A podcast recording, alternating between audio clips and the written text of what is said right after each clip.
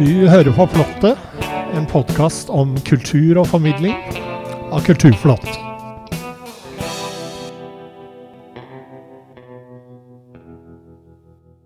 Denne julen har vi besøk av hele 29 artister. De gir oss innblikk i det de liker aller best musikk, formidling og kreativitet. I Flottet har vi også en full adventskalender denne gangen. Hver dag får vi en tekst om mytene ved julen, skrevet og fremført av forfatter, dramatiker og mytolog Terje Nordby. Så her er det mye å glede seg til, folkens. Mitt navn er Bård Andersson.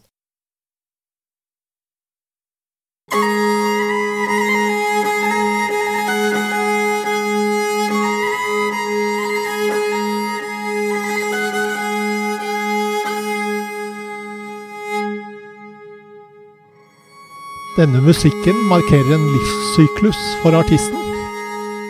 Det er en tolkning av det nordvestlandske året med sine lange vintre og korte somre. En meditativ reise gjennom årstidene med et ekko av farne tider. I dag eh, har vi fått eh, besøk av artisten Britt eh, Pernille Frøholm. Hun er aktuell med sitt fjerde album, 'Årringar'. Gratulerer med ny eh, plate. Kan ikke du eh, fortelle litt om hvordan det albumet ble til? Ja, det eh, ble jo egentlig eh, til i denne prosessen da jeg holdt på med forrige album, 'Fåkhaugen'. Eh, for jeg ble litt tidlig ferdig, og Sigurd Hole, som var produsent, han eh, hadde da med seg kontrabass i studio. Så da begynte vi bare å jobbe, rett og slett. og og gjorde en del innspillinger, og det fungerte veldig bra. Og, um, og så eh, gikk jeg i studio litt seinere og spilte inn mer, og da ble det, ble det til slutt eh, den plata 'Åringar'. For her eh, krysser du litt sjangere, folkemusikk og jazz, ikke sant? Ja, jeg gjør jo egentlig det. Og tidligere så har jeg jo fokusert, eller veldig reindyrka slått, slåttemusikk, da. Eh, men eh, jeg har jo samtidig eh, jobba mye med, med, ny musikk og samtidsmusikk og litt improvisert. Og har jo hele tida hatt et behov for å uttrykke meg litt friere. Og, og, det å jobbe med Sigurd, det var jo en veldig fin anledning til å, å, å gå litt videre i den prosessen. Sigurd var for øvrig gjest i fjor jul i Flåttet. Hadde spennende historier fra Amazonas. Ja. Mm. Hvor viktig er musikken for deg eh, som del av å formidle et budskap, eh, en stemning osv.? Altså, det er jo årstidene som eh, danner mye av tematikken for dette albumet, ikke sant? Ja.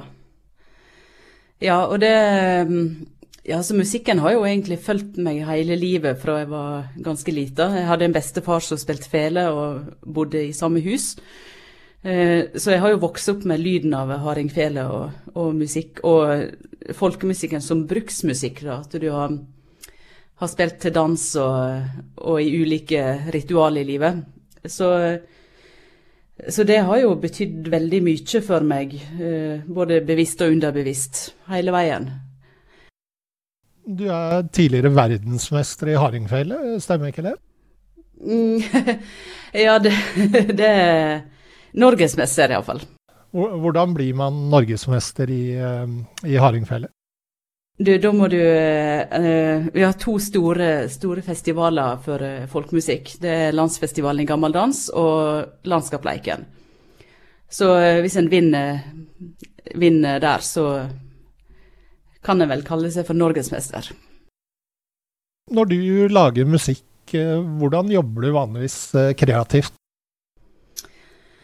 Uh, ja, det, det, kommer jo litt an på hva jeg skal Hva uttrykket jeg skal gjøre, da, og hvem jeg skal jobbe med. Men, um, men uh, jeg har jo uh, en del år vært veldig fokusert på å bruke hardingfela og få ut de klangene som finnes i det instrumentet. da. litt mer enn bare rent melodisk. og er jo, det er jo et veldig overtonerikt instrument, så du kan kan gjøre ganske mye med. Så, og det har jo òg vært fokus på den siste plata. Eh, at jeg har, jeg har tenkt litt mer eh, detaljer og gå inn i det og strekke det ut over tid. Eh, og gjerne med litt andre typer teknikker enn i vanlige slåttespill. da. Hva er planene videre nå for resten av året og inn i det nye?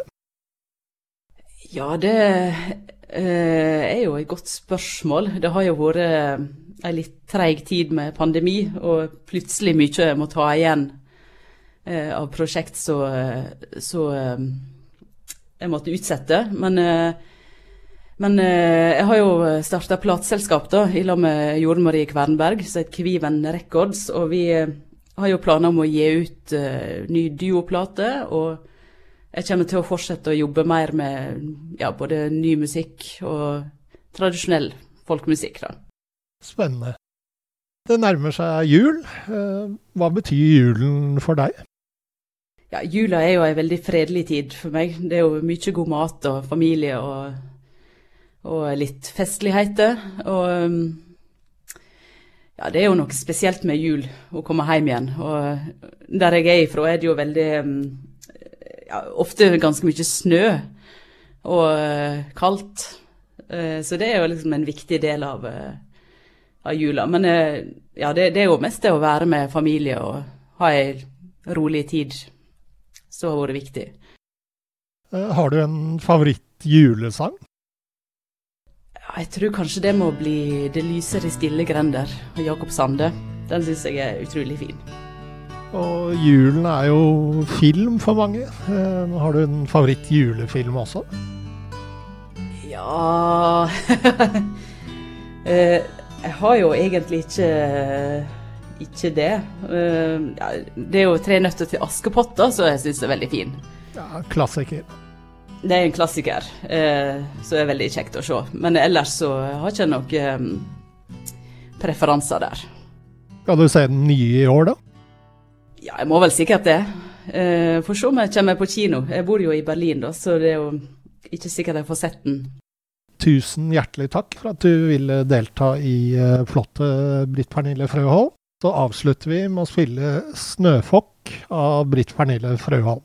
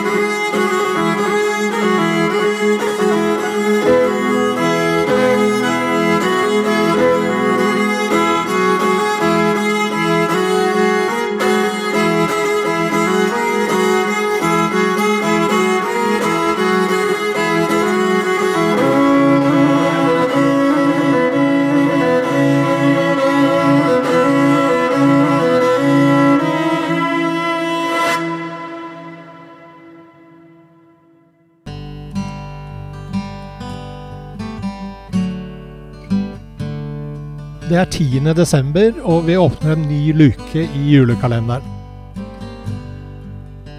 Også Alfred Nobel fant ting å glede seg over ved julen. Terje Nordby forteller.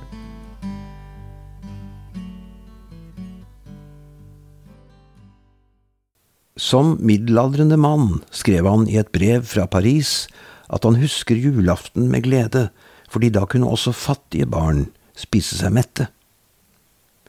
Alfred Bernhard Nobel ble født i Stockholm i 1833. Faren var oppfinner, men hadde motgang, det var kaldt og knapphet på mat, difteri og kikkhoste herjet. Faren forsøkte å finne opp nye typer landminer til bruk i krig. Russerne var interessert.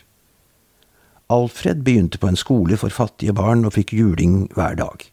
I tillegg arbeidet han hardt for å bidra til å hjelpe familien ut av fattigdommen. Faren lyktes med miner til russerne, og da Alfred var ni, flyttet de til St. Petersburg. Gutten fikk gode privatlærere, men gikk aldri noen høyere skole. Men han arvet oppfinnerånden. Som tenåring mikset han kjemi på farens verksted. Nitroglyserin var et kraftigere sprengstoff enn krutt, men hvordan skulle man få det til å tenne? Alfred fant opp knallhetten. Han foretok prøvesprengninger under vann. Problemet var sikkerheten. I 1866 lot han nitroglyserin bli sugd opp av porøs kiseljord. Etter vellykkede eksperimenter i tyske gruver kalte han dette Nobels sikkerhetskrutt, eller dynamitt, som kommer av det greske dynamis, kraft. Straks ble dynamitten tatt i bruk i Hellas, i New York og til sprengning av Gotthardbanens tunneler i Sveits. Alfred fikk ingen barn, fra Paris flyttet han til San Remo i Italia, der han døde 10. desember 1896 som en av Europas rikeste menn. Den 2. januar ble testamentet offentliggjort. Slektningene skulle få én million kroner. Resten av kapitalen skulle utgjøre et fond. Rentepengene skulle årligen utdeles som prisbelønning åt dem som under det forlupne året hafva gjort menneskeligheten den største nytte mer konkret de som hadde gjort de viktigste oppdagelser innenfor fysikk, kjemi og medisin. Den fjerde var litteraturprisen, mens den siste skulle tilfalle den som har verkat mest eller best for folkens forbrødrande og avskaffande eller minskning av stående armeer samt bildande og spridande av fredskongresser. Og deles ut av fem personer valgt av Norges storting. Vi var i union, og Nobel mente at nordmenn var fredsommelige. Nobelprisen er blitt en formidabel faktor, en virkningsfull global institusjon. Det fins ingen myter om global nestekjærlighet, for først i nyere tid forholder vi oss til hele kloden. Det trengs nye fortellinger som kan konkurrere med eventyr om Askeladden, skrønen om Bør Børson og rikmannsgutten Trump som ble president i USA. Det trengs en myte som uttrykker at inni kapitalistens hjerte bor en sjenerøsitet, at verdens rikeste mann er klok og snill. Fortellingen om fattiggutten som fant opp dynamitten og ga formuen sin til kunsten og vitenskapen, og dermed for alltid skal bli husket, er en slik myte. Les daglige kulturnyheter på kulturplott.no og få med deg dokumentarer, eksistensielt stoff og kultur i papirmagasinet Kulturplott. Plottet var ved programleder og teknisk ansvarlig Bård Andersson.